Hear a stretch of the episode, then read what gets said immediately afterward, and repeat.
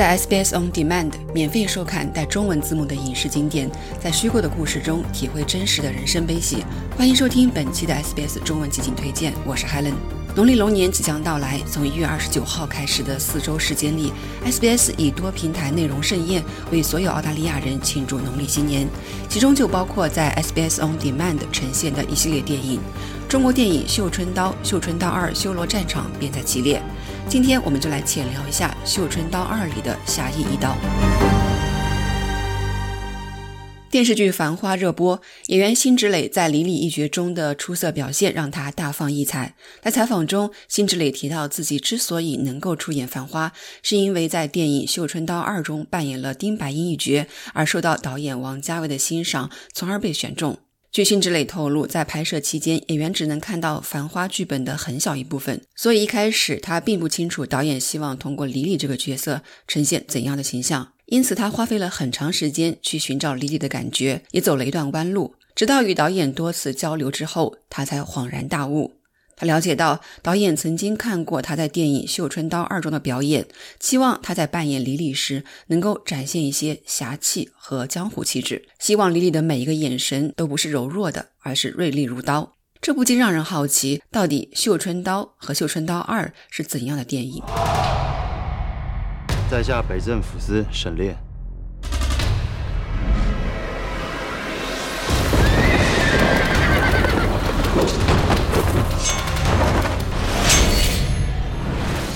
二零一四年的中国电影《绣春刀》一举成名，为国产商业片带来了新的希望。三年之后，导演陆阳携带《绣春刀二》再度登上大荧幕。大体而言，《绣春刀》讲述了明末锦衣卫的故事。从时间轴来看，《绣春刀二》可谓《绣春刀》的一部前传。《绣春刀二》以萨尔浒之战为起点，描绘了张震所饰演的沈炼从死人堆中救出两个同袍的情节，其中一个是张译所饰演的陆文昭。面对人间惨象，陆文昭高声疾呼：“是该换个活法了。”随后，沈炼和陆文昭成为朝廷的鹰犬，负责捉拿乱党、执行刑案，手到擒来。一些评论者认为，《绣春刀》与一般的武侠片截然不同，而更像是徐克的狄仁杰系列，接受皇帝的领导，支持正统权威。而对于熟悉历史的人而言，明朝末年阉党横行，大杀将倾。影片通过一些细节，生动描绘了那个时代腐化和荒谬的局面。《绣春刀二》是张译第一次涉足古装戏，然而他成功的将圆滑老练、心机深重的陆文昭塑造得栩栩如生。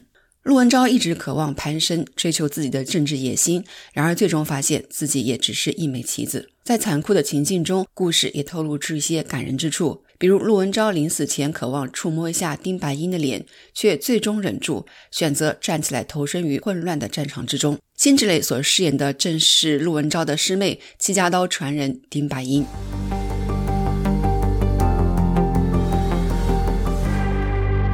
尽管辛芷蕾在影片中扮演的是台词不多的配角，但她的表现令人难以忘怀，甚至有粉丝专门剪辑出片中最为精彩的一场竹林打戏。辛芷蕾所饰演的丁白英一身素衣，手握戚家刀，狠狠地斩向沈炼，展现出其孤傲冷艳的一面，唇角微笑，更让人心生胆颤。相较于前面那几场精彩华丽的打戏，最终这场大战中没有太多技巧性的招式，完全是拼尽全力的大砍大杀。然而，这样的激烈厮杀也真实体现了人物所处的一种绝望状态。尤其是丁白英手中的那把长刀已经被砍得满是豁口，与平时在武侠片中看到的削铁如泥的侠客风范截然不同。导演陆阳构建了绣春刀的武器宇宙，通过武器来展现人物的个性。戚家刀在明朝的地位十分崇高，尤其是在明朝晚期达到巅峰。两部《绣春刀》实际上都描绘了政治阴谋的故事，它们的区别在于第一部强调情义，而第二部则注重表现背叛。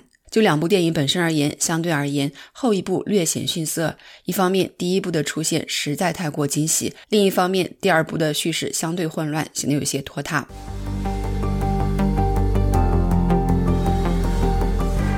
然而，两部《绣春刀》所选的大背景却非常合适，描绘了大明朝的锦衣卫和东西厂的太监，蕴含着丰富的传奇故事。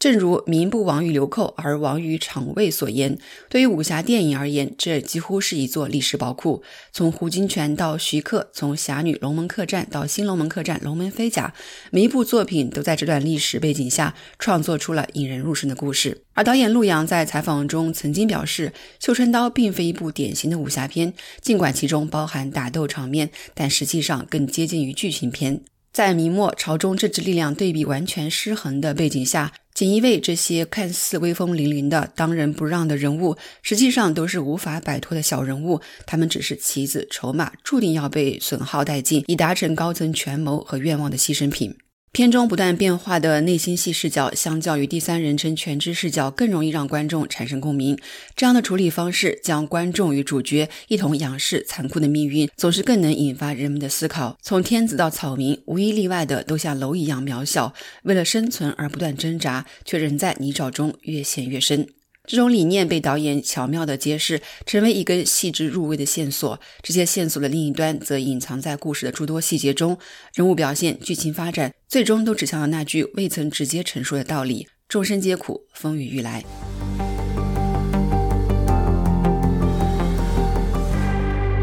农历龙年期间，除了可以在 SBS On Demand 免费收看这两部电影之外，你还可以在 SBS On Demand 浏览收看更多大量的经典引进内容，也可以看到 SBS 的原创节目和剧集。不要忘记在浏览器搜索关键词 SBS 中文集锦，即可前往 SBS On Demand 中文节目集锦页面。我是 Helen，下期 SBS 中文集锦推荐再会。